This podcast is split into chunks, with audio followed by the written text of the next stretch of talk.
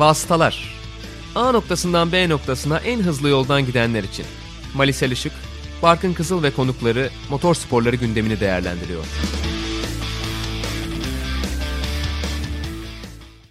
Sokrates Podcast'te Vasıtaların 55.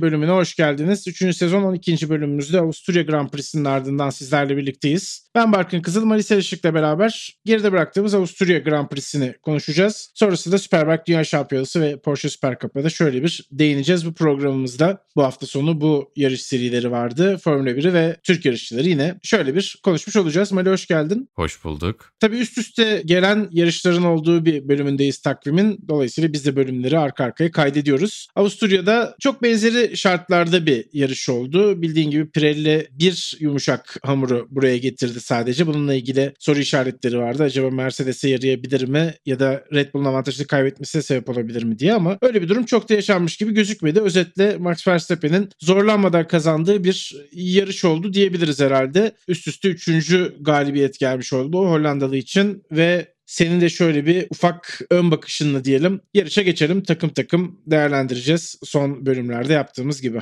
Evet senin de söylediğin gibi iki hafta üst üste olunca ki zaten daha önce bahsetmiştik takvimdeki değişiklikler nedeniyle bir yarış daha eklenmişti. O yüzden önce Steiermark Grand Prix'si sonra e, Avusturya Grand Prix'si isimleriyle de düzenlendi. Avusturya'nın yeri zaten belliydi. Yani C3, C4, C5'i getirdi bu arada Pirelli onu da söylemek lazım. Sezon içerisindeki en yumuşak üçlü lastiği getirdiler geçtiğimiz hafta bir sert yani C2, C3, C4'tü. Biraz belki fark ettirebilir gibi düşünüyorduk. Çünkü lastik aşınması konusunda senenin başında problemler yaşayabildiğini görmüştük en azından Red Bull'un. Mercedes daha yaklaşabilir gibi düşünüyorduk. Ama yani geçtiğimiz haftanın Max Verstappen adına tekrarı oldu ki zaten iki hafta boyunca e, pistteki bütün turları lider götürdü Max Verstappen. Geçtiğimiz hafta pole pozisyonundan başlayıp bütün turları lider götürüp yarışı da kazanmıştı. Bir tek en azı turu elde edememişti. O yüzden Grand Slam yapamamıştı. E, bu hafta onu da yaptı. Kariyerinin ilk Grand Slam oldu. Bunu yapan en genç pilot oldu. 50 e, podyuma ulaştı. Çok acayip bir seri yakaladı zaten. Hem Red Bull hem Max Verstappen. Şu anda rüzgarı tamamen arkalarına almış. Yelkeni de doldurmuş durumdalar. Güzel noktalara doğru gidiyorlar ve şimdi çok kritik bir yarış bizi bekliyor olacak. Ondan zaten bahsedeceğiz. Silverstone Mercedes adına ve Lewis Hamilton adına bir kırılma noktası olacak gibi duruyor duruyor. Onların yeri çünkü aslına bakarsan. E ama şu anda Red Bull için ve Max Verstappen için işler bayağı yolunda görünüyor.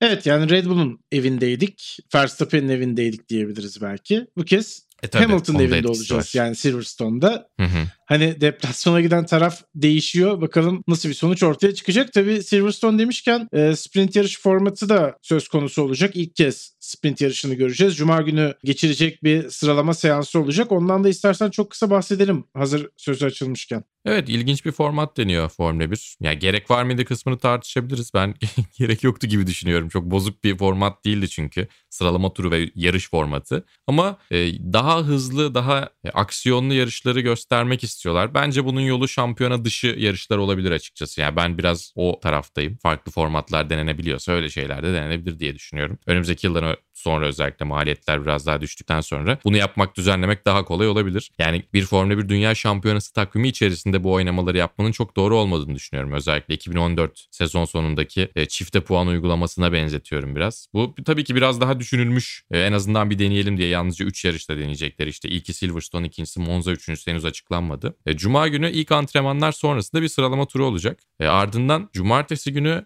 bir antrenman seansı daha olacak. Antrenmanlar 3'ten 2'ye inmiş olacak böylece. İkinci antrenman seansından sonra bir sprint yarışı olacak kısa. Ona puan verilecek. O yarışın sıralamasına göre Damalı Bayrak'tan geçiş sırasına göre de pazar gününün gridi belirlenecek. Dolayısıyla bir ekstra yarış daha koymuş oldular. E, geleneksellik anlamında zaten biraz zarar veriyor ama bir şeyler katıyor mu Formula 1'e bunu biraz bekleyip göreceğiz. Ya ben o kadar fazla oynanması gerektiğini düşünmüyorum Grand Prix hafta sonuyla. Çünkü bence güzel bir yapısı var. O sistemin çok ciddi bir eksiği olduğunu düşünmüyorum. Özellikle bir de e, bu sene antrenman seansları 90 dakikadan 60 dakikaya indirildikten sonra hele o ayarları yapması daha zor hale geldi. Biraz daha keyifli hale geldi belki pilotların o işleri çözemedikleri zaman düştükleri e, zor durumlar. Bence çok gerek yoktu. Öyle bir ihtiyacımız da var mıydı emin değilim. Ama FIA da emin değil zaten. Bunu baştan bunu her yarışta yapacağız diye getirmek yerine 3 yarışta deneyecekler. Başarılı olması halinde seneye 6 yarışta deneyeceğiz dediler. Başarılı olursa seneye bütün yarışlarda yapıyoruz da demiyorlar. O temkini e, takdir ediyorum. Eskisi gibi tepeden inmeci şeyler yapmıyorlar çok fazla. İşte 2016'nın ilk yarışında hatırlarsın. Eleme sıralaması diye korkunç bir format getirmeye çalışmışlardı ki sıralama turu formatı şu anki sıralama turu formatı yine yanlış hatırlamıyorsam DTM'den ödünç alınmıştı zamanında. Bence kusursuz. Yani eleme sayısı olarak şu anki süresi olarak seansların birbiriyle karşılaştırması olarak hangi turla attığınız lastikle yarışa başlıyorsunuzun tercihi olarak o tarz şeylerin falan da ayarını çok güzel yaptılar geçtiğimiz yıllarda küçük küçük değişikliklerle. O sıralama turu formatı bence kusursuz şu anda ya da kusursuza ne kadar yaklaşılabilirse o kadar iyi. Ee, onun değerini birazcık azaltır mı açıkçası? Çünkü şimdi istatistik ne olacak? Sıralama turunun zirvesindekine mi pol yazılacak? Muhtemelen hayır. E, sprint yarışının kazananına mı pol pozisyon yazılacak? Biraz orada bir ayrılıyor işte. Superbike Dünya Şampiyonası'nda da benzer şeyleri siz zaten e, İzge ile birlikte Eurosport'ta düşünmüşsünüzdür diye tahmin ediyorum. Yarış galibiyeti olarak sayılıyor mu Süper Pol yarışı? Evet sayılıyor ama aynı puanı vermiyor yani daha düşük puan pol pozisyon olarak sayılıyor mu aynı zamanda? Pol pozisyon olarak sayılması için Süper Pol yarışının kazananını aslında pol pozisyonuna yazabiliriz ama ikinci yarış için yani Hmm. ilk yarışta bir başka sıralama olduğu için aslında orada hafta sonu iki büyük yarışlı kabul edilmesi lazım gibi Değil mi? düşünelim. Yani çift pole pozisyonu oluyor. Evet senin de dediğin gibi Formula 1'de de muhtemelen sprint yarışını kazanan kişi için pole pozisyonu denecek. Çünkü yani önemli olan Grand Prix. Zaten bir sprint yarışını değerlendirdiğimiz bölümde de konuşmuştuk. Hafta sonu bir tane yıldız olması lazım. O da pazar günü Grand Prix yarışı olması lazım. O yarışın en büyük olay olması lazım. Bunu götürürlerse tabii çok hoş olmaz. Cumartesi günkü ilgiyi, pazarın ilgisini hani çekecek kadar büyük oranda bir nasıl diyeyim objektifin içine yerleştirirlerse o zaman çok iyi olmayabilir. Yani nasıl olacak göreceğiz. Senin de dediğin gibi zaten hani 3 yarışlık bir deneme formatı olacak. Ama belki yeni kurallarla beraber önümüzdeki yıl devrimsel değişiklikler olacak tabii. Bir çağ kapanıp bir yenisi açılıyor. Ee, onunla beraber belki de böyle bir sprint yarışlı formatı da getirmeyi düşünmüş olabilirler. Neler olacak göreceğiz. Belki üçüncüsü Türkiye'de olur. Yayından önce de konuşuyorduk. Ee, yani İstanbul Park'ta da görebiliriz ama görmeyebiliriz. Tamamen spekülasyon yaptığımı da söyleyeyim. Bu konuyla ilgili var mı başka söylemek istediğim bir şey? Yarışta devam edelim yoksa. Yani aslında çözmeye çalıştıkları problem önümüzdeki yıl kendiliğinden ortadan kalkabilecek bir problem. Ben o, o yüzden biraz da temkinli yaklaşıyorum. Çünkü bazı yarışların özellikle aksiyonsuz, pilotların çok fazla aracı ve lastikleri korumaya çalıştığı, dolayısıyla da başladığı gibi biten yarışlar olduğundan şikayetçiler geçiş yapmanın zorluğuyla birlikte. E önümüzdeki yıl gelecek köklü kural değişiklikleri bu problemlerin hepsini çözmek üzere geliyor aslında. Dolayısıyla bu sene sprint yarışı denemenin bir e, manası var mıydı o yüzden bilmiyorum. Seneye gerçekten aynı tas aynı hamam olacaksa mesela böyle bir şey deneyebilirlerdi diye düşünüyorum. Ya bu yıl 3 yarışta bunu denemenin çok bir faydası olduğunu da düşünmüyorum. Şimdiden bunu deneyelim denilecek kadar da e, üzerinde oynanabilecek bir şey değil bence bir Formula 1 yarış hafta sonu. E, o yüzden açıkçası biraz garip geliyor. Çünkü şeyi de düşün. Ya DRS'yi bile belki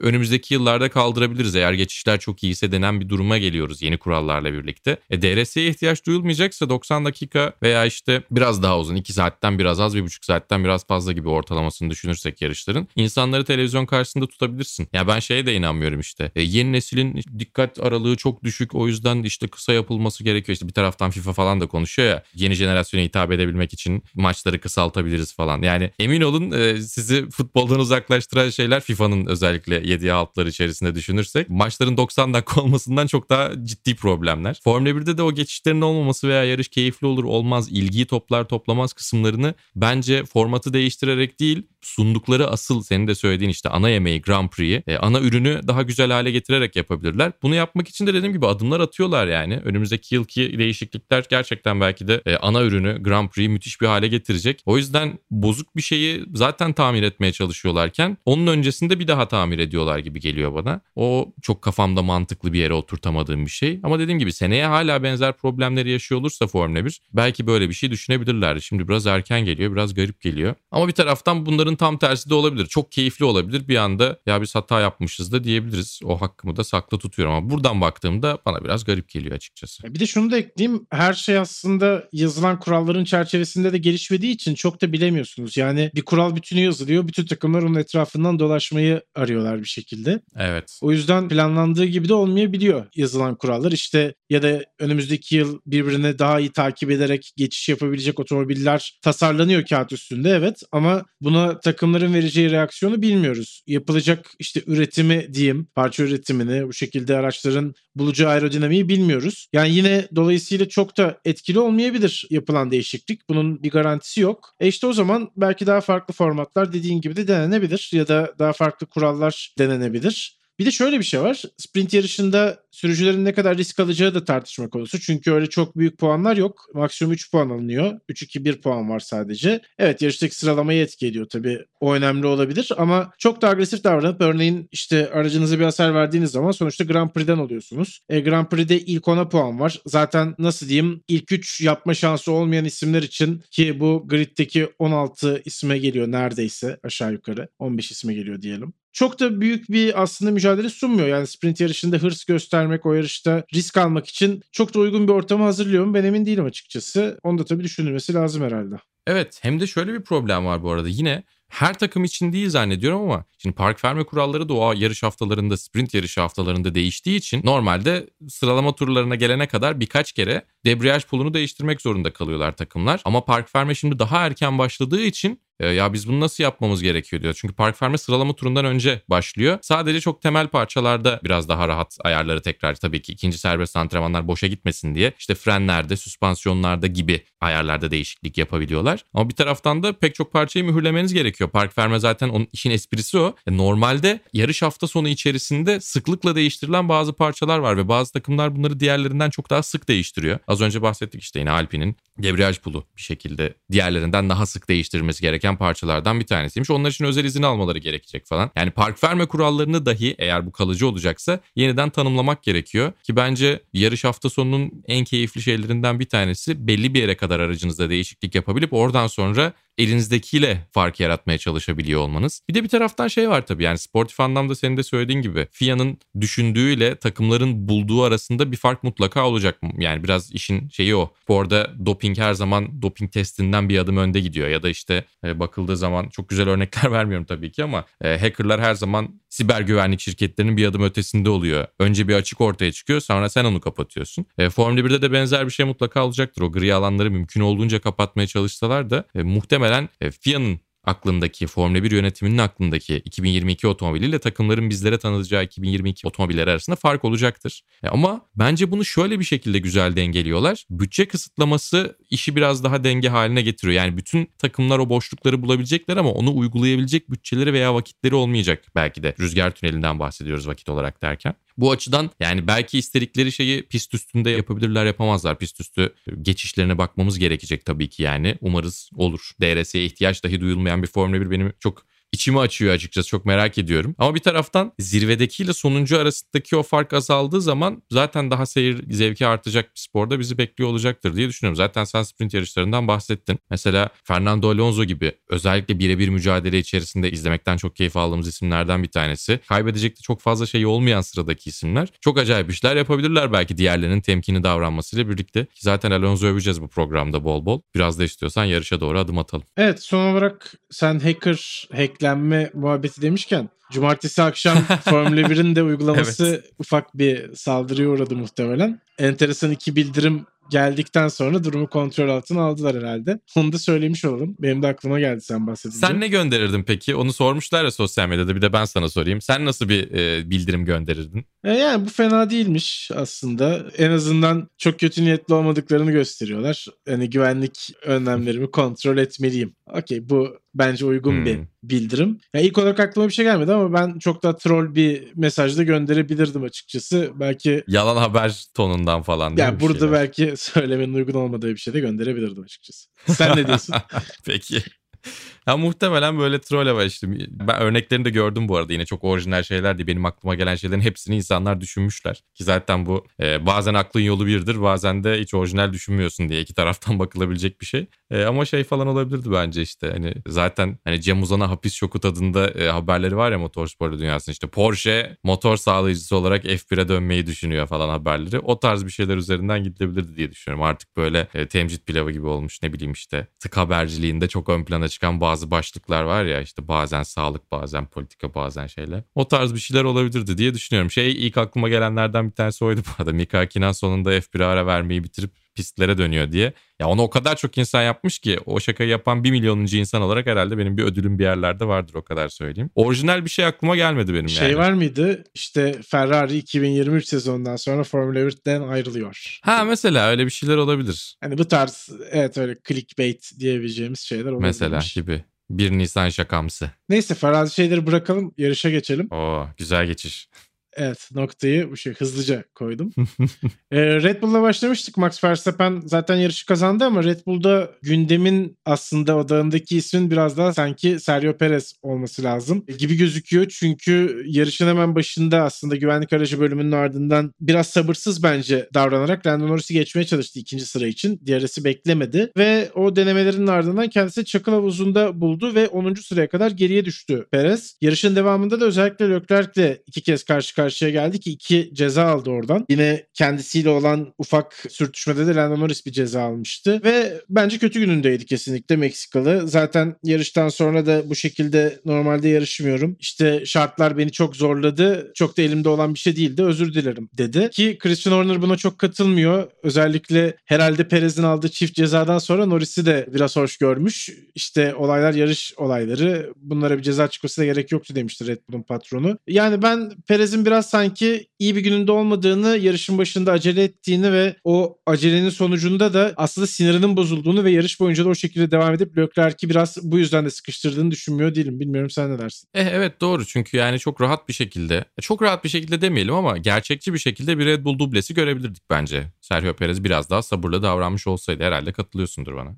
Evet evet yani diğerisi kesin beklemesi lazımdı bence zaten. Hı hı. Yani onun dışında aslına bakarsan yarışın çok başında bir kaza. Neredeyse ilk tur e, teması diyebiliriz aslında güvenlik aracı sonrası yeniden start olduğu için. Geçmişteki örneklerinden dolayı Lando Norris'e ceza verildiğini düşünüyorum ben. FIA kendi içerisinde e, tutarlı olabilmek için Michael Masi ve ekibi e, o cezayı verdiler. Aslında 5 saniye cezası kadar ağır bir durum muydu çok emin değilim. Çünkü Perez dışarıdan gelmeye çalışıyor. Zaten pist üstünde karmaşa olan bir ilk tur sayı sayılır o işte yeniden startla birlikte. Ama şöyle de bir durum var. Eğer bu tarz temaslarda veya durumlarda ceza verilmiyor olsaydı Lando Norris geçtiğimiz yıla podyumla başlamayacaktı. Tabii ki Albon'la e, Hamilton'ın teması hakiki bir temas var orada. Lastik teması var ve Albon'un bayağı çakıl havuzu üzerinde spin attığını hatırlıyoruz. O başka bir durumdu. Biraz daha sert durumuydu. Ama 5 saniye ceza verilmişti. Onunla karşılaştırdığınız zaman Lando Norris ile Sergio Perez arasındaki zannetmiyorum temas ya çok ufak vardı ya hiç yoktu. Sadece dışarıya doğru süpürdü çizgi anlamında. Çok geçecek yer bırakmadı ona. Ya onun 5 saniyesi öbürünü çok tutmuyor gibi. Belki 3 saniyelik cezalar da e, düşünülebilir. Biraz daha hafif cezalarda düşünülebilir gibi geliyor bana. E, onun dışında Sergio Perez'in Sherlock'le yine dördüncü virajın dışında yaptığı ki iki tane temas var orada çok net bir şekilde. Tam bir 5 saniye cezası. Yani Norris'e o cezayı veriyorsanız Perez'e haydi haydi vermeniz gerekiyor. Bunun üstüne e, Sherlock'lerle Perez ki ondan bence biraz bahsederiz. İkinci temaslarından daha doğrusu ikinci olaylarından bahsederiz. E, orada e, Sergio Perez biraz kontra vermek zorunda kalıyor. Yarışında son bölümü zaten. E, arka lastiklerin ve frenlerin bitmişti diyor. Yani ilkinin 5 saniye cezası kadar kasıtlı veya net bir durum yok. Hatta ben ceza çıkmayacağını düşünüyordum. Ama muhtemelen iki tane ceza verdik buna da vermemiz gerekiyor dediler. Belki o da 3 saniye cezası gibi olabilirdi. Yani eğer öyle bir formattan bahsediyorsak böyle bir sistem olsaydı ağırlık olarak düşünüyorum. Norris Perez ve ikinci Perez Leclerc temasları, olayları üçer saniyelik cezalandırılabilirdi. Ama ilk Perez Leclerc olayı kesinlikle bir 5 saniyelik cezaydı. Bir de ikinci e, yani Leclerc ile Perez'in ikinci pist üstünde karşı karşıya gelişlerinde iki ayrı görüşe sahibiz. Biraz onlardan da bahsetmek gerekiyor. Ben Charles Leclerc'in nasıl olsa önündeki 5 saniye cezası yani önündeki pilotun 5 saniye cezasına sahip olduğunu biliyordu. O yüzden o kadar zorlamak yerine start finish düzlüğüne kadar beklemesi gerektiğini düşünüyorum. Çünkü kendini kollaması da gerekiyordu. Sen de çok güzel farklı bir açıdan tam tersi bir açıdan e, farklı bir şekilde bakıyorsun. Evet yani orada da bana göre Leclerc Ricardo'yu takip ediyor bir noktada ki Ferrari ile McLaren doğrudan takımlar şampiyonasında rakip durumdalar. Perez aslında hani Leclerc'i rakip olarak görmemeli bence. Zaten hem cezası var hem hiçbir şekilde rakip değiller. Yani puan anlamında Red Bull'un Ferrari ile doğrudan bir rekabeti yok. O yüzden yol verip biraz daha Leclerc'in rahatça gitmesine izin verebilirdi gibi geliyor bana. Ama iki tarafta inatlaşmayı belki biraz seçtiler. ne Leclerc senin dediğin gibi bekledi ne Perez benim beklediğim gibi ya da tahmin ettiğim gibi yol verdi ona. Sonucunda da kimse de çok mutlu olmadı bu arada. Onu da söylemek lazım ki e, işte Sainz'ın da Perez'in önüne geçmesine sebep oldu bu olaylar. Evet. Yani Sherlockler de bu arada olan oldu. Artık çok fazla takılmıyoruz demiş. Bunu bir tartışmaya veya polemiğe çevirmemişler. Özellikle de tabii Sergio Perez özür diledikten sonra ben böyle yarışmıyorum benim tarzım böyle değil dedikten sonra üstüne de çok şey yapmamışlar. Üstünde çok durmamışlar. Ama gerçekten iki tarafa da faydası olmayan iki olay oldu. Bize konuşacak şey oldu tabii ki malzeme oldu ama. Yani Norris'e de faydası olmadı bu arada. Evet evet üç tarafa da. Üç, üç, üç, üç tarafa da faydası, de faydası olmadı, yani. olmadı gerçekten. Peki o zaman Red Bull'u yavaş yavaş kapatabiliriz. Mercedes'te devam edelim. Onlar şampiyonluk serisini kaybetmeye doğru gidiyorlar mı acaba? Tabii bu soruları birkaç haftadır soruyoruz. Ama yani şu var ki gerçekten güncelleme konusu ellerini kollarını bağlıyor gibi. Ne gelen şu ana kadar hali hazırda gelmiş güncelleme onlar için yeterli oldu. Ne bundan sonra çok büyük bir paket bekliyoruz. Yani sen Silverstone öneminden programın başında da bahsetmiştin sprinti konuşmadan önce. Bakalım nasıl olacak? Bir sonraki yarış herhalde belirleyici olacaktır. Birazdan Mercedes'in net favori olduğu pistlerde üstünlüğünü ortaya koyma ihtiyacı var gibi gözüküyor. Zaten orada da bunu yapamazlarsa sonrasında Red Bull'la başa çıkmak için çok da bir fırsatları olmayabilir. Geri dönüş için şansları olmayabilir. Şöyle bir puan durumunu da tekrar paylaşalım. 44 puana çıktı takımlar şampiyonasındaki fark ve Verstappen de Hamilton'ın 32 puan önüne geçti. Yani bir yarışı bitirmeden Hamilton'ın kazanması halinde dahi şampiyon liderliğini korumaya devam edecek. Çok ciddi bir dezavantaja doğru gidiyor Mercedes'in hali. Öyle girelim istersen. Evet. Bir de şu, şu açıdan bakmak gerekiyor diye düşünüyorum. Lewis Hamilton bu yarış hafta sonu başlamadan önce 2 yıl daha sözleşmesini uzattı Mercedes'le. O yüzden... Bunu da konuşalım bu arada.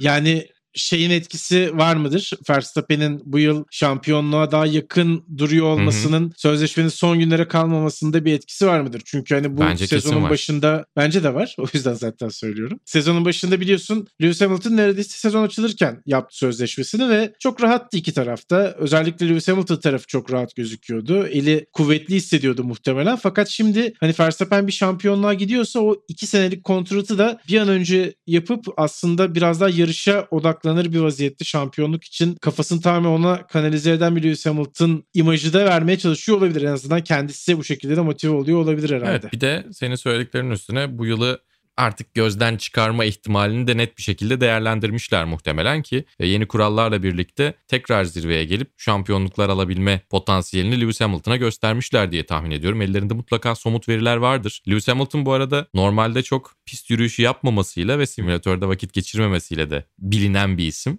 Bu hafta Mercedes simülatöründe de epey vakit geçirmiş. Tabii ki takıma yardımcı olmak için arada yaptığım şeyler diye söylüyor bunu ama e, yine de ya bunların hepsi işin hakikaten Mercedes adına ciddiye bindiğini ve önümüzdeki belki 7-8 yarış içerisinde hatta biraz daha kısaltayım. Önümüzdeki 5-6 yarış içerisinde sezonun gidişatına dair net bir fikrimiz olacak diye düşünüyorum. Çünkü yaklaşabiliyorlarsa zorlayacaklar ama çok da yaklaşamıyorlarsa tamamen önümüzdeki sezona odaklanma ihtimali de olabilir gibi geliyor bana e, Mercedes'in. Ama bu kadar erken pes ederler mi? Ya da bu ne kadar iyi görünür dışarıdan bakıldığında eleştiririz de mu- muhtemelen. Ama çok zor bir ikilem ve bütün bu ikilemi yaratan aslında e, az önce bahsettiğimiz Formula 1'in bütçe kısıtlaması. O yüzden bu benim çok hoşuma gidiyor. Ya büyük takımları bile e, attıkları her adımı düşündürebilecek bir sistem olduğu için e, hakikaten önümüzdeki yıllarda güç dengelerini güzel bir şekilde değiştirebilecek bir sistem olacak diye tahmin ediyorum. Onun dışında zaten güçlü oldukları pistlerde problem yaşadıkları oldu. Yani Bakü'de normalde Mercedes'leri favori olarak görebilirdik normal şartlarda. Bu seneki kurallarla birlikte özellikle ilk iki sektörde Red Bull'ların çok arkasında kaldılar. Üstüne bir de esnek arka kanatla birlikte düzlüklerde zaten Red Bull'lara karşı dezavantajlılardı. E, bunun dışında Le Castell'e, Porjicar takvime döndüğünden beri bütün seanslarında Mercedes'lerin üstüne olduğu bir pistti. Ve orada net bir şekilde Red Bull'un gerisindelerdi. Bunların hepsi bir araya geldiği zaman burası tabii ki burada bekleniyordu Red Bull Ring'deki üst üste iki yarışta da. Açıkçası Red Bull'un iyi bir şeyler yapabilme ihtimali bizi çok şaşırtmıyordu belki ama Silverstone'da da benzer bir şekilde devam ediyor olurlarsa bence psikolojik olarak iş kopma noktasına büyük bir adım atacak diye düşünüyorum. Yani çok da spekülasyon yapmak istemiyorum açıkçası çünkü her yarıştan sonra bir sezon böyle biter böyle bitmez demek de çok doğru değil belki ama ya bunlar hep ufak ufak adımlar. Silverstone bir de seyircisi önünde yani ilk defa çok uzun zaman sonra e, tam seyirci kapasitesiyle birlikte 140 bin seyirci bekleniyor Silverstone'da. Acayip bir ortam olacak. E, Lewis Hamilton'ın orada e, mutlaka ve mutlaka galibiyet elde etmesi gerekiyor. Çok net bir mesaj gönderen bir galibiyet elde etmesi gerekiyor. Yani orada da Red Bull'la başa çıkamazlarsa başka nerede çıkabilirler hakikaten ben de bilmiyorum. Senin söylediğine %100 katılıyorum o açıdan.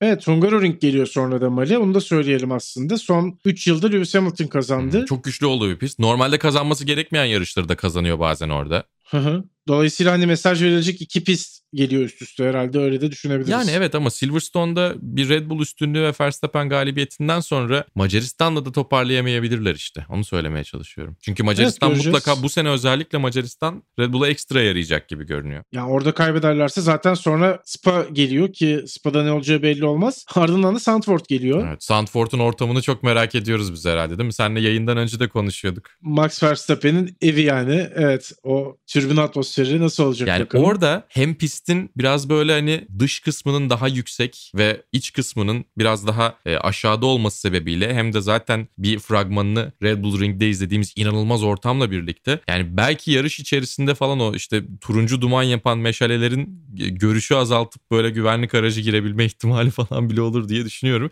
Çünkü böyle Dünya Kupası finali atmosferi olacak orada. Yani tahmin bile edemiyorum. Çok çok acayip bir atmosfer bizi bekliyor olacak. Yani açıkçası oradan sonra şu anki rüzgarla birlikte bir de onu arttırarak devam edebilecek bir Red Bull Max Verstappen'le birlikte şampiyonluğa koşar herhalde. Evet e, Mercedes'le ilgili tabii şunu da konuşalım. Lewis Hamilton ilk virajda ufak bir hata yaptı. Kendisinden görmeye çok alışkın olmadığımız tarzda bir hataydı bu ama aracın tabanına bir hasar verdi ve ciddi anlamda yavaşlattı Lewis Hamilton'ı. Sonrasında da Norris'e belki de iki araçla birden geçirmemek için Bottas'ta bir pozisyon değiştirdiler. E, yani Tabii ki şampiyonada her zaman Mercedes'in tercihi Hamilton'ın Bottas'ın önünde olmasıdır. Çünkü sonuçta pilotlar şampiyonluğu durumu da söz konusu. Fakat bu yarışta böyle gerektirir strateji herhalde. Yani evet özellikle tabii ya bunu McLaren tahmin edemezdi demiyorum ama Bottas'a e, pozisyonunu koru mesajının yayına verilmesinden sonra Norris'e Bottas Hamilton'ı geçmeyecek saldır mesajı gelmesi işleri tamamen tersine değiştirdi. Ama dediğim gibi bu mesaj yayına verilmiyor olsaydı da herhalde tahmin ederlerdi McLaren'da. Çünkü yani hepimizin aklından geçen şeyleri onlar çok daha iyi biliyorlar bizden pit duvarları. E, o yüzden çok ısrar etmemeleri iyi oldu açıkçası. Hamilton Bottas sıralamasında e, ısrarcı olmamaları takımlar şampiyonasında elde ettikleri puan anlamında iyi oldu. Biraz yanlıştan döndüler. Özellikle de Hamilton'ın performans anlamında ikilinin önünde kalamayacağını yani hem Bottas'ın hem de Norris'in önünde kalamayacağı ortaya çıktıktan sonra e, Bottas'ı Hamilton'ın önüne geçirmeleri gerçekten mantıklı hareketti. Olması gerekendi. Ama tabii pilotlar şampiyonasında Hamilton'a eksi yazdı. E, son 5 yarışın 3'ünde de podyuma çıkamamış oldu. Monaco, Bakü ve Avusturya Grand Prix'si. E, bu anlamda düşünüldüğünde son 5 yarıştır kazanamıyor olması çok acayip zaten Lewis Hamilton'ın. E, şu anda bir e, kuraklık döneminde, bir Nadas döneminde. Oradan dönecek mi göreceğiz. Ya oradan dönmesi için en iyi fırsat bir sonraki yarış gerçekten. Ama belki az önce bahsettiğimiz e, yeni hafta sonu formatı çok büyük sürprizler yaratabilir. Yani böyle bir durum olabilir aslında. Hani Mercedes hızlı olur ama sprint yarışında bir problem ortaya çıkabilir ve yarış bir anda Red Bull'un ve Max Verstappen'in olabilir. Dolayısıyla bu kadar sezonun kırılma noktası olabilecek bir yarışta yeni bir format deneniyor olması da e, açıkçası şöyle bir merak ettiriyor insanı. Buradan bir yeni format nedeniyle bir drama çıkar mı diye. Onun için de biraz meraklanıyorum açıkçası.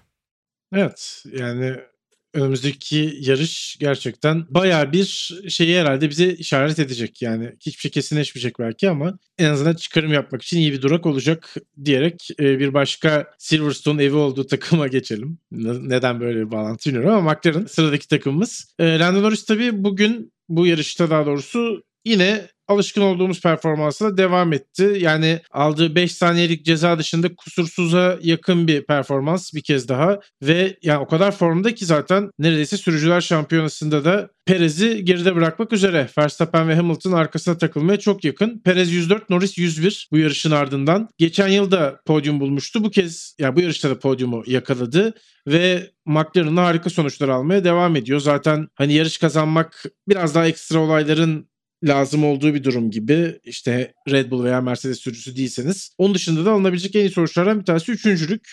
Ve Norris bunu başardı. Zaten antrenmanlarda da hızlıydı. Ricardo'yu da çok ciddi anlamda aslında mağlup etmeye devam ediyor. Sanki başka takımlarda yarışan iki sürücüymüş gibi gösteriyor kendisiyle Ricardo'yu. Ee, bu şekilde de yani McLaren'a sözleşme uzattığından beri performansı gitgide yükseldi enteresan bir şekilde. Evet, tersten Ocon diyebiliriz. Yani şey, diyebiliriz. şey sıralama turlarında az daha pol pozisyonunu alacak olması da çok acayipti bence. Sadece son sektörde biraz vakit kaybettiği için pol pozisyonunu ucu ucuna kaçırdı. Evet tabii ki iki hafta üst üste zaten iyi oldukları bir pistte yarışıyor olmalarıyla birlikte pürüzleri de ortadan kaldırdılar. Geçtiğimiz hafta çok iyi değillerdi. Bu hafta derslerine iyi çalıştılar ve karşılığını aldılar. Ama yani Lando Norris'in takım ona iyi bir otomobil verdikten sonra yani ortalamanın üzerinde ya da yani süper böyle kusursuz olmak zorunda değil tabii ki ama sağlam bir otomobil verdikten sonra pist üstünde yaptıkları Ya bu sezon sezonun en iyi pilotu sıralaması içerisinde Lando Norris'i Hamilton'ın yukarısına bile yazabilir. Ya son performanslardan zaten yazar da daha sezon bitmediği için söylemiyorum. Ya şu anki form grafiğine baktığımızda herhalde Max Verstappen'in hemen altına Lando Norris'i yazabiliriz diye düşünüyorum ve bu çok acayip bir şey. Çünkü sezon başında hiçbirimiz Lando Norris'in Daniel Ricciardo'yu bu kadar geride göstereceğini tahmin etmiyorduk. Hatta tam tersi bile olabilir. Norris için önemli bir sınav olacak diyorduk. E, o yüzden yani çok takdir ediyorum ben. Çok olgun da sürüyor zaten ki Formula 1'e ilk geldiği zamandan beri de öyleydi. Zach Brown da aynı şeyleri söylemişti. O yüzden önümüzdeki yıllarda McLaren Mercedes bir şampiyonluk adayı olacaksa e, Lando Norris hakikaten bir Formula 1 dünya şampiyonu da olabilir gibi duruyor. Yeni neslin öne çıkan pilotları arasında ilk zamanlarda çok saymadık onu. Yani Max Verstappen'le Charles Leclerc'in yanına koymuyorduk. Biraz daha George Russell'la birlikte yan yana koyuyor gibiydik. Ama muhtemelen araç performansları da alakalıydı. Şimdi podyum zorlayabilecek hatta senin de söylediğin gibi öndekilere bir şey olursa yarış kazanabilecek bir araçla Lando Norris bence harikalar yaratıyor. O yüzden çok hak edilmiş bir e, günün sürücüsü ödülünü de aldı zaten. Evet yani umuyoruz ki tabii yeni kurallarla beraber aslında dört takım mücadele etsin zirve için. McLaren de onlardan bir tanesi olsun. Çok keyifli olur herkes için. Takımın hem sürücü kadrosu düşünüldüğünde hem tarihi düşünüldüğünde bence Ferrari ile beraber e, yani Red Bull ve Mercedes ile dörtlü bir şampiyonluk çekişmesi içinde olmalarını istiyoruz. Eğer öyle olursa tabii takımın bayrağını taşıyan isim de Lando Norris olacak. Aslında onun üzerinde de bu şekilde belki görülebilir. Zaten kendisi de işte takımla şampiyonluğa gitmek istiyorum. Dolayısıyla başka bir teklifi düşünmezdim gibi bir açıklama da yapmıştı sözleşme uzattıktan sonra. Umuyoruz olur. Bakalım bizi nasıl bir çağ bekliyor öyle düşünmek lazım. McLaren nasıl bir çağ bekliyor öyle düşünmek lazım. Norris de gerçekten şampiyonluk potansiyelini ortaya koyuyor bence de senin de bahsettiğin gibi. Ee, şampiyonluk potansiyeli ortaya koyabilecek bir başka sürücüden bahsedelim istersen. Charles Leclerc yine olayların aslında göbeğinde buldu kendisini. İşte Perez'le yaşadıklarını konuştuk. Ee, tabii geçen hafta sonu çok çok iyi performans ortaya koymuştu. Bu kez o kadar görkemli olmadı ama çok da rezalet değildi Leclerc'in yarışı. 8. sırada tamamlamayı başardı. Ferrari'de de yine bir başka takım emri durumu söz konusu oldu. Orta hamur lastiğe geçen Carlos Sainz'a Leclerc yol verdi ve Sainz de gitti. Ricardo'yu avladı. Hatta sonrasında Perez'in cezasıyla beraber Perez'in de önüne geçmeyi başardı. Aslında Sainz da yani potansiyelini ortaya koymaya devam ediyor diyebiliriz. Çok belki öyle görkemli sürüşler yapmıyor. Çok o Carlos Sainz işte bu hafta sonu ne kadar iyiydi demiyorsunuz baktığınız zaman ama sonuçlarına baktığımız zaman da hep böyle kendisinden beklentiyi en azından karşıladığını söylemek lazım. Bazen de üstüne çıkıyor zaten. Evet. Ya geçtiğimiz hafta da aslında en çok geçişi Leclerc yaptı. Ee, en yüksek sesli performans oydu. En bağıran performans belki de Charles Leclerc'in performansıydı. Ama onun bir sıra önünde Carlos Sainz'i görmüştük sıralamada. 10. sırada başladığı yarışta bu hafta 5. bitirdi.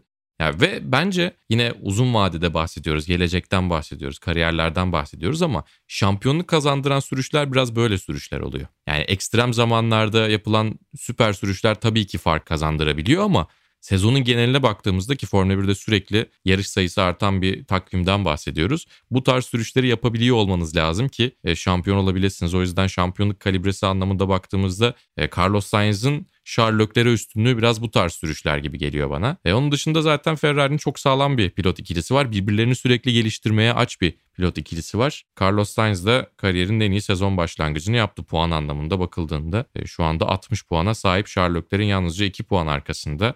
Yani bence güzel gidiyor Ferrari ve yani hep söylüyoruz önümüzdeki yılda bu kadar odaklanmış bir takımın bu yıl böyle güzel işler yapabiliyor olması da herhalde tifozi için mutluluk kaynağıdır. Hepimiz için mutluluk kaynağı çünkü ne olursa olsun Formula 1'in çok önemli bir kısmı Ferrari zaten.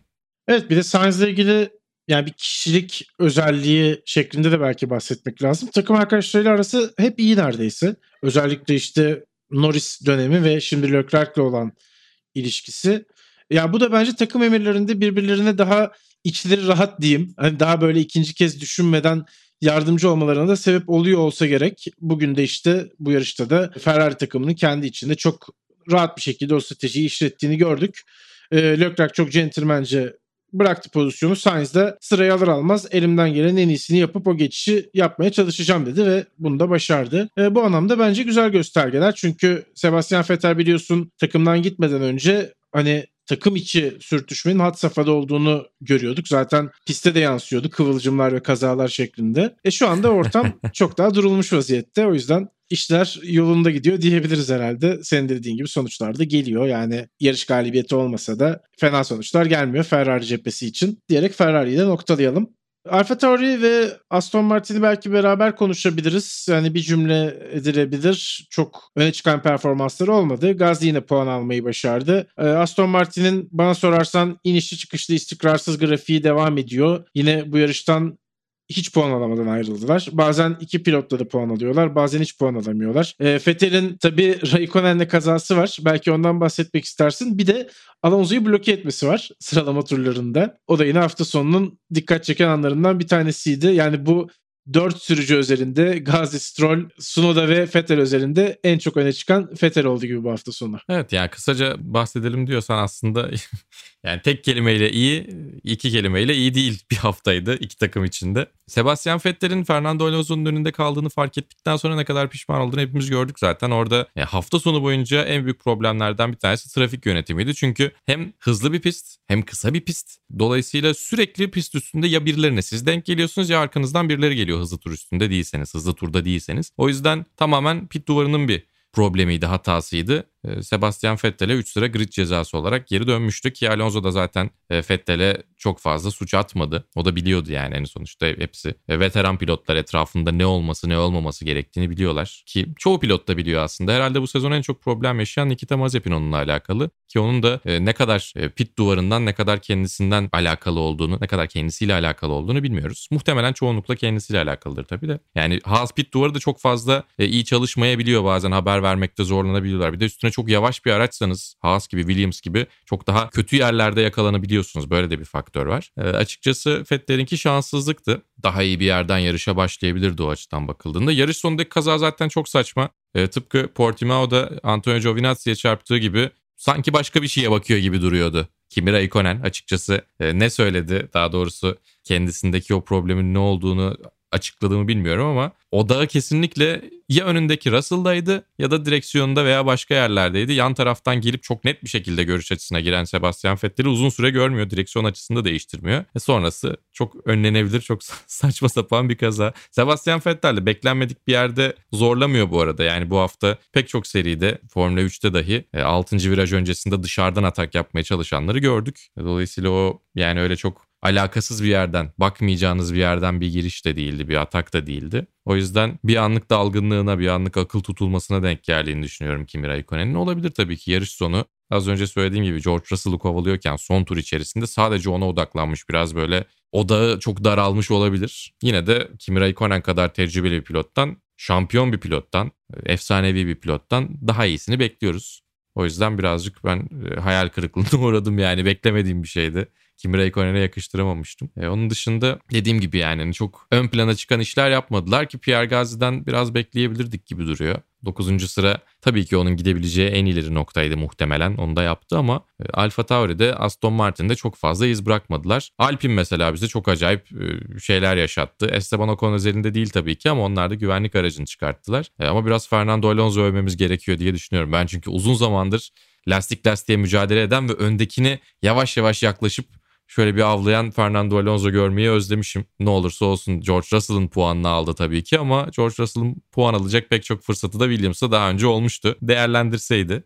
E, Williams zaten çok iyi bir noktaya doğru geliyor. Onlar pist üstünde atak yapabilecek seviyeye otomobillerini getirdiler gibi duruyor. En azından George Russell için konuşursak.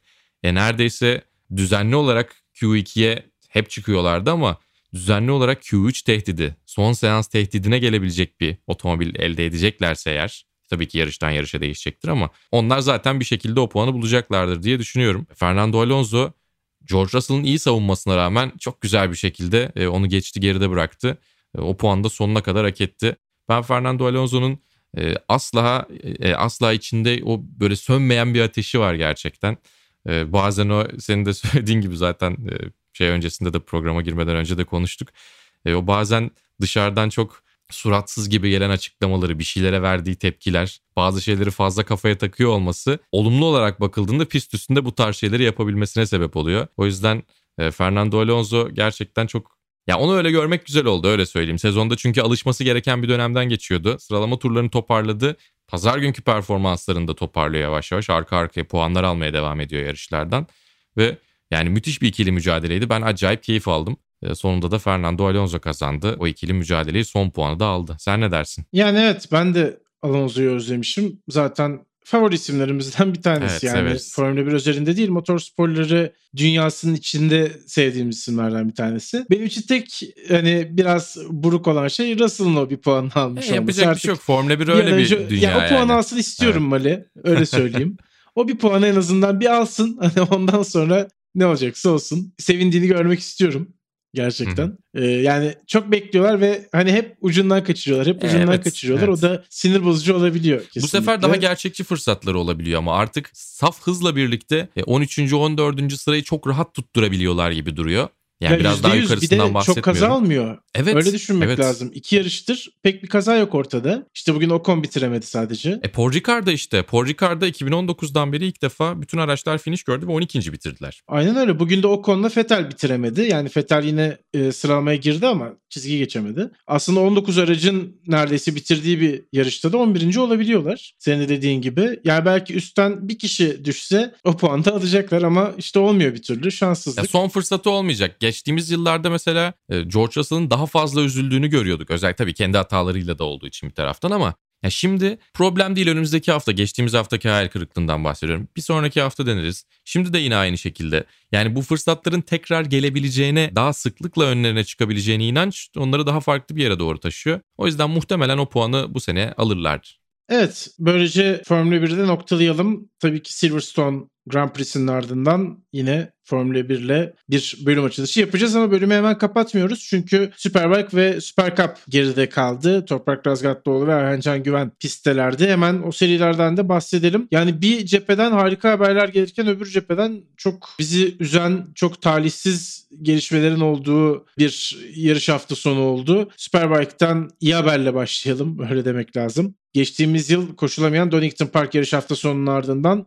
tekrar Büyük Britanya'ya döndük ve Donington Park'ta Toprak Razgatlıoğlu inanılmaz bir ilk yarış performansı ortaya koydu. Super Pole'de 13. sırayı alabildikten sonra yarışın ilk turunda ikinci sıraya, ikinci turunun başında da yarış liderliğine yükselmişti bile. Hatta Dünya Superbike Şampiyonası'nın Twitter adresi e, 1993 Donington Park Senna'nın ilk turuyla karşılaştırmış Evet ki. evet. Yani şey Aynen diyemiyoruz. öyle. Ya çok güzel olmuş tabii de abartmışlar diyemiyoruz. Heh diyoruz ve bunun bir Türk sporcu tarafından yapılıyor olması beni acayip gururlandırdı. Toprak da gerçekten Senna ile karşılaştırılabilecek kadar özel bir performans ortaya koydu o yarışta Superbike'da. Yüzde yüz, yüzde yüz. Yani Müthiş hani bir şey kalkıştan ilk viraja gelene kadarki kısımda 8 sıra kazanmıştı. Ondan sonraki 4 virajda geri kalan sıraları kazanmıştı. İkinci sıraya yükselmişti. Zaten ikinci turun başında da lider oldu. Bir daha da bırakmadı. Sonrasında Superpole yarışı orta karar geçti Toprak için 6. sırayı aldı. İkinci yarışta ise yine 6. cepten başlayıp yarışı kazanırken şampiyonadaki en büyük rakibi Jonathan Ray'in de yerde kalmasıyla beraber şampiyonada da lider duruma yükseldi. Yani çok Ki enteresan bir hataya zorladı yükseliş. yani. Tamamen toprağın e, yarışın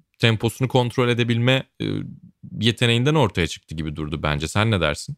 Evet kesinlikle katılıyorum. Özellikle hani toprak bir kere önünüze geçti mi Jonathan Ray bile olsanız toprağın o yaptığı savunma sürüşüyle frenleme noktalarıyla başa çıkamıyorsunuz. Ve muhtemelen sinir bozuyor bir noktadan sonra. O kadar hani Aa, bu defa kaçırdı bu sefer frenleyemedi diye düşünürken toprağın her seferinde durması ve savunma çizgisi de seçiyor olması önünüzde.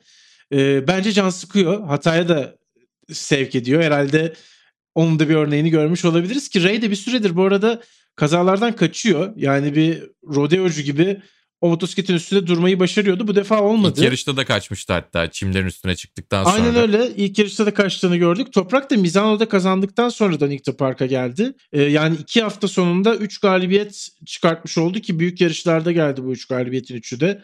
Superpole yarışlarında değil. Ve şampiyonlar liderliğe yükseldi. Yani bu sene o sene olabilir. Tabii bu hafta içi aslında biraz da tatsız konular. Herkes için bir ufak gerilim yaşandı. İşte MotoGP'de yarışıp yarışmayacağı ile ilgili Toprak Razgatlıoğlu'nun. O da burada şampiyon olmak istediğini söylemişti ama o şampiyonluk şimdi gelirse de çarşı pazar karışacak herhalde. Yani çok girmek istiyor muyuz bu muhabbete emin değilim ama birkaç cümle söyleyelim E istersen. yani şimdi e, Petronas Yamaha'dan teklif olduğu e, haberi vardı işte. Bence iyi bir takım, e, iyi bir koltuk. Neyse işte yani iyi bir sele daha doğrusu. Ama bir taraftan burada şampiyon olma e, hayalini gerçekleştirmenin peşinden gitmesini de anlıyorum. Ama dediğin gibi iki sene sözleşme uzattı şimdi Superbike Dünya Şampiyonası ile. Şampiyon olduktan sonra belki düşünebiliriz diyordu ve senin söylediğin durum biraz ilginç olacak. Eğer bu sene şampiyon olursa Toprak aslında önümüzdeki yıl MotoGP'ye kendi kafasında, kendi e, çizdiği kariyer rotasıyla birlikte işte Kenan Sofoğlu ile birlikte çizdikleri kariyer rotasıyla birlikte Superbike şampiyon olarak MotoGP'ye geçiş gayet makul olurdu onlar için anladığım Mantıklı kadarıyla. olacak. Bize anlattıkları şekliyle böyle bir durum vardı. Yani o yüzden bu sene şampiyon olduktan sonra e, MotoGP'ye gidebilme maddesi var mıdır ya da öyle bir şey imzalamışlar mıdır bilmiyorum. Umarım yapmışlardır öyle bir şey. Yani yine tabii ki kötü bir durum değil. Yani Superbike dünya şampiyonu olduğunuz bir e, senaryo kötü bir senaryo hiçbir zaman değil tabii ama e, toprağı oralarda görmek istiyoruz. MotoGP'nin tepesinde de görmek istiyoruz bir şekilde. Umarım bunu oluşturabilecek şartlar ortaya çıkar. Yani evet bir de adının anıldığı Yamaha takımları gerek fabrika Yamaha gerek Petronas Yamaha belki bir numaralı favori değil belki de bir numaralı favori de diyebiliriz. Çünkü işte hani performanslar ortada. Yarış kazanabilecek motosikletler onu söylemeye çalışıyorum. Sonuçta bu takımlardan bir tanesi de bile gitse şampiyonluk için erken olabilir ama yarış galibiyeti için MotoGP'de yer alabilecek bir Toprak Razgatlıoğlu'nu da görebiliriz. Zaten Gerrit Gerloff'la beraber en çok adı geçen iki isim. Superbike gridinde yer alıp MotoGP ile ismi anılan. Ee, bakalım ne olacak? Dediğin gibi şampiyonlukla yine hani e, bu sözleşmeyi sonlandırıp MotoGP'ye devam ettirecek bir madde var mı kontratında ya da şampiyonluk gelecek mi? Belki aslında ilk onu düşünmek lazım. Çünkü hala tabii yolumuz var. Ama yani bu sene gösterdikleri toprağın kesinlikle şampiyonluğun en güçlü iki adayından bir tanesi olduğu ve işte rakibini Jonathan bu kadar da hataya artık sevk edebildiğini gördükten sonra bence eli de biraz kuvvetlendi açıkçası. Çünkü biz onu istikrarıyla biliyoruz. Zaten o 6 şampiyonluğun temelindeki kelime istikrar. O istikrarı bozabilirse dengesini şaşırtabilirse rakibine toprak. Yani beklediğimizden daha kolay bir şekilde de şampiyonluğa ulaşabilir diye düşünüyorum. Ve Süper Cup'a geçelim. Toprağın şampiyonu lider olduğunu hatırlattıktan sonra. Süper Cup'ta maalesef tıpkı Monaco yarış hafta sonu gibi Ayhancan için yarışın sonuna kadar işler fena gitmiyorken yarışın sonunda bir anda tepe taklak olduk. Bu kez lastik patladı ve Ayhancan yarışı son sırada tamamlayabildi. Pite girdikten sonra.